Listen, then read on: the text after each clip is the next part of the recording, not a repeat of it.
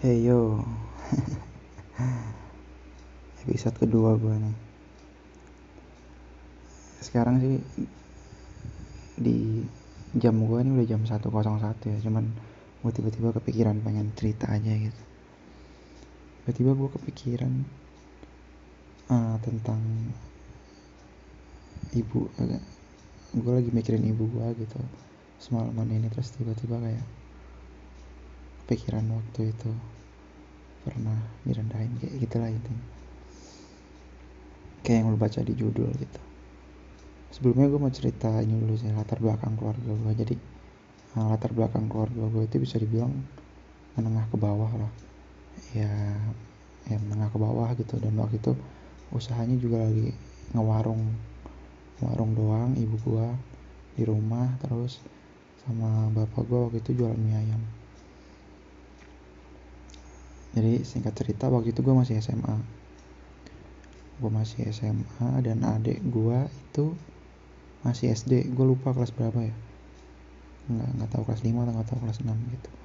Jadi ceritanya waktu itu adik gue pagi-pagi minta izin ke ibu gue bu uh, adik mau jalan-jalan naik sepeda kayak gitu ya udah kan nggak ada nggak ada rasa curiga biasanya juga mau main sepeda ya udah main sepeda biasa aja. Main sepeda main sepeda ke mana? Jangan jauh-jauh. Ya ada uang nggak? Uh, ada. Cuman ditambahin sama ibu gua gitu. Uang atau berapa jumlahnya? Kalau nggak 10 15 gitu gua lupa. Karena ya emang nggak nggak ada kepikiran macam-macam gitu. Terus lama tuh dia dia berangkat pagi kalau nggak salah kayak jam 9 atau jam jam 9 jam 10-an lah. Terus lama siang nggak nggak pulang. Terus juga sampai sampai sore juga belum pulang waktu itu. Nah karena waktu itu adik gue juga udah megang HP kan dihubungin lah adik gue. Cuman ternyata emang susah dihubungin gitu. Ya di chat juga nggak dibalas dia apain juga. Di telepon juga nggak diangkat gitu. Dan ternyata singkat cerita tahu dari temennya. Temennya ngabarin kalau ternyata mereka jalan-jalan naik sepeda ke Monas. Panik dong. Anak SD baru kelas 5 atau kelas 6 gitu pergi ke Monas rame-rame bocah-bocah tuh kecil kayak ya udah kayak gitu gitu. Dan dikasih duit juga cuman berapa? Cuman 10 atau 15 ribu gitu. Gue gue nggak tahu ya dia dia nabung bawa duit lebih atau enggak tapi yang yang dikasih sama orang tua gue tuh segitu gitu. Ya udah cuman ya kita mikirnya ya udahlah ntar juga bentar lagi pulang gitu kan. Ya cuman kita dari rumah juga tetap ngubung-ngubungin gitu. Nelpon nelponin sms singkat cerita ada orang tua dari temennya yang lain gitu. Gue nggak tahu dia berangkatnya ber, kalau nggak salah berempat atau berlima gitu. Nah ada salah satu orang tua yang ngehubungin ibu ibu gue gitu. Dari siang nanyain ini kok belum pulang? Uh, apakah anak ibu juga belum pulang? Apa gimana? Gitu. Iya bu anak saya juga belum pulang kata ibu gue kayak gitu kan. Oh ya udah ntar kalau pulang kabarin ya. Nah, itu masih enak tuh bahasanya. Lanjut ke sore. Nah kayak dia tuh update kayak setiap sejam atau sejam atau setengah jam gitu dia selalu nanyain ke ibu gua udah pulang atau belum? Udah pulang udah pulang atau belum? Gitu. Nah sampai waktu itu tuh maghrib gitu. Maghrib ada orang beli kan di warung gua dan waktu itu ibu gua lagi sholat. Dan gua yang ngelayanin waktu itu udah udah selesai belanjanya. Dia nanya ini ibu gue uh, mas ini ibunya ada nggak sih mau ngobrol sama ibunya? Gitu. Uh, iya bu lagi sholat tungguin aja ya bu. Iya ditungguin tuh. Si ibu gua, ibu gua keluar kan. Oh iya bu ada apa? Ini bu uh, Hasan udah pulang belum ya? Hasan tuh nama adik gue ya Hasan Hasan udah pulang belum ya ini kok anak saya belum pulang-pulang juga sih bu? Ibu kalau punya anak kalau nakal jangan ngehasut anak saya dong loh nih bu. Nah ya gue bingung kan kenapa tiba-tiba dia ngomong gitu padahal tadi di chat kayak ya adem ayem gitu. Ya gue tahu sih maksudnya. Ya dari cara bicaranya sih kayaknya anaknya ini nggak biasa main keluar gitu dan tiba-tiba main jauh pasti kan ya orang tuanya panik kan.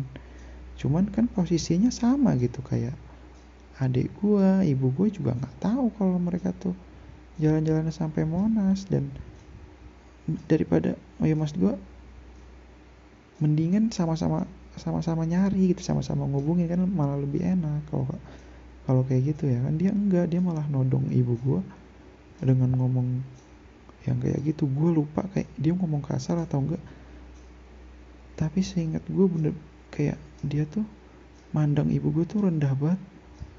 Kelihatan banget dari matanya kayak duh gue gak kuat anjir. Kayak bener-bener mandang ibu gue tuh segitunya gitu. Sampai ibu gue tuh didorong-dorong kayak gitu kayak ibu kalau punya anak kalau anaknya nakal nggak usah ngajak anak saya dong. Sambil didorong-dorong kayak gitu terus. Gue ngeliat kan proses proses itu kayak gue nggak tahu kayaknya dia sempat ngeluarin kayak kata-kata binatang-binatang kayak gitu. Terus kayak gue nggak kuat kan gue di situ benar-benar nggak kuat banget ngeliat ibu gue yang diituin sama orang lain gitu.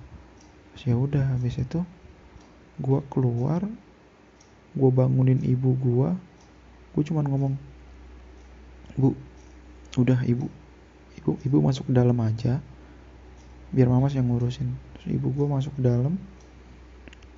Terus ibu ibu itu nang ibu itu ya ibu yang ngedorong. Ibu gue juga dia nangis di depan jadi kayak serba salah gitu. Daripada uh, makin gede kan jadi ya gue nyuruh ibu gue masuk ke dalam aja. Terus gue ngambil ngambil kunci motor gue langsung berangkat pergi ke Monas. Dan gue juga tahu kan jalannya jadi gue, gue pernah ke sana naik motor jadi ya gue tahu. Dan gue bener nggak ada persiapan apa apa cuman uang dua puluh ribu atau sepuluh ribu gitu gue lupa. Terus bawa kunci motor ya udah gue berangkat. Berangkat nyampe sono gue muter-muter gue cuma gue gue di jalan isinya cuma nangis. Gue gue cerita gue ngeluh gue kayak gue ketawa juga saking kayak sampai di situ gue kayak gue stres banget deh. Karena emang waktu itu gue inget itu harusnya gue ujian besoknya ujian dan gue masih nggak harus nyariin adik gue yang kayak gitu terus. Ya yaudah kayak bener-bener gue di jalan cuman nangis terus cerita ke diri gue sendiri ya bener-bener stres banget. Dan katanya sih ya katanya itu mereka pulang eh, nggak uh, lama gue berangkat mereka pulang kayak 10 atau 15 menit setelahnya dan ternyata mereka sempat neduh karena sorenya tuh hujan. Jadi mereka lamanya tuh karena neduh di jalan. Kayak gitu. Nah sedangkan gue udah udah terlanjur otw kan. Gue muter-muter tuh kayak ada dua atau tiga jam gitu. Muter-muter bener-bener gue nangis tuh di jalan terus sampai bensin gue habis dan waktu itu gue bener-bener lapar banget gue lupa hari itu gue udah makan atau belum. Tapi bener-bener lapar banget. Terus ya ya udah gue pulang. Terus kayaknya adik gue tuh pas pulang cuman dibilangin doang sama ibu gue mas kamu eh dek kamu tuh ke mana aja sih? Ibu tuh kalau kalau mau ke mana-mana tuh ngomong sama ibu gitu. Ya udah pokoknya intinya kayak orang dinasihatin lah. Nggak ada nggak ada marahnya ibu gua tuh. Kayak cuma dinasihatin karena tahu adik gua tuh pasti capek. Baru pulang dari sana dan habis itu disuruh mandi uh, bilas intinya. Terus istirahat dan tidur. Ya udah gue juga pulang gue juga habis itu habis nyari muter-muter ke mana tak ke mana pun gue cari dan gue nggak nemu ya udah gue gue akhirnya mutusin buat pulang terus gue pulang gue juga nggak marah ke adik gue kayak ya karena emang bener-bener ya gue tahu dia juga capek gitu. Dan itu bokap gue nggak tahu bapak gue nggak tahu karena bapak gue kan lagi jualan mie kan biasanya pulangnya tuh malam. Dan emang sengaja nggak kasih tahu kalau kasih tahu sih bapak gue udah marah banget sih. Kayak gitu. Nah gue nggak paham ya kenapa orang-orang bisa sebegitu mandang rendahnya keluarga gue gitu? Kayak gimana ya? Apakah ekonomi ekonomi atau pendidikan kayak gitu tuh bener-bener mempengaruhi pandangan orang ke orang lain kayak gitu? Apakah sesempit itu pikiran orang-orang di dunia ini ya cuman gara-gara ekonomi lu bisa memperlakukan orang lain seolah-olah ada jauh gitu di bawah lu. Gue bener-bener gak habis pikir kayak ya kan sebenarnya kita posisinya sama kan? Resah karena anggota keluarga kita yang masih kecil itu main jauh intinya itu. Tapi kenapa lu memperlakukan itu ke keluarga gue gitu? Kayak gue masih belum paham gitu. Dan waktu itu gue masih SMA kayak oh gini ya posisi keluarga gue oh gini ya keluarga gue di pandangan orang lain. Kayak anjir lah. Gue harus gue benar-benar harus ngerubah keluarga ini. Coba gue bener mikir kayak gitu waktu itu kayak sumpah tangan gue gemeteran megang HP. Iya kayak gitu gitu.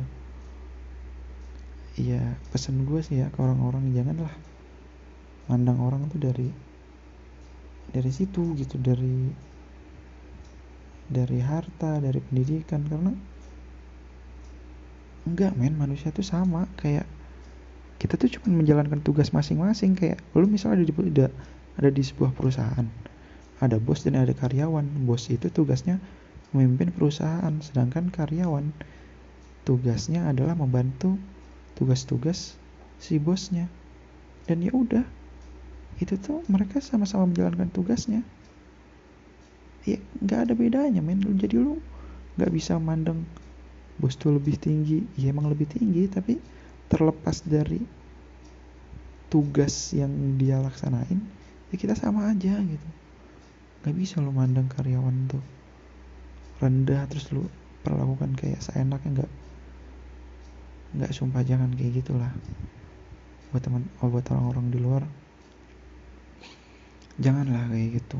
Gue ngerasain bener-bener sakit banget rasanya dan itu masih ngebekas sumpah sampai sekarang. Makanya gue cerita di sini kayak rasanya tuh masih sakit banget men kalau diinget. Beneran dah nggak bohong gue ya udahlah. Intinya itu cerita dari gue agak panjang ya sebenarnya ceritanya pendek. Cuman ya itu jam satu. Overthinking gue udah mulai ke mana-mana jadi ya udahlah gue cerita di podcast ini aja. Thank you buat yang udah dengerin. Semoga hari-hari kalian menyenangkan dan selalu dipermudah urusannya. Thank you. Have a nice day. Bye bye assalamualaikum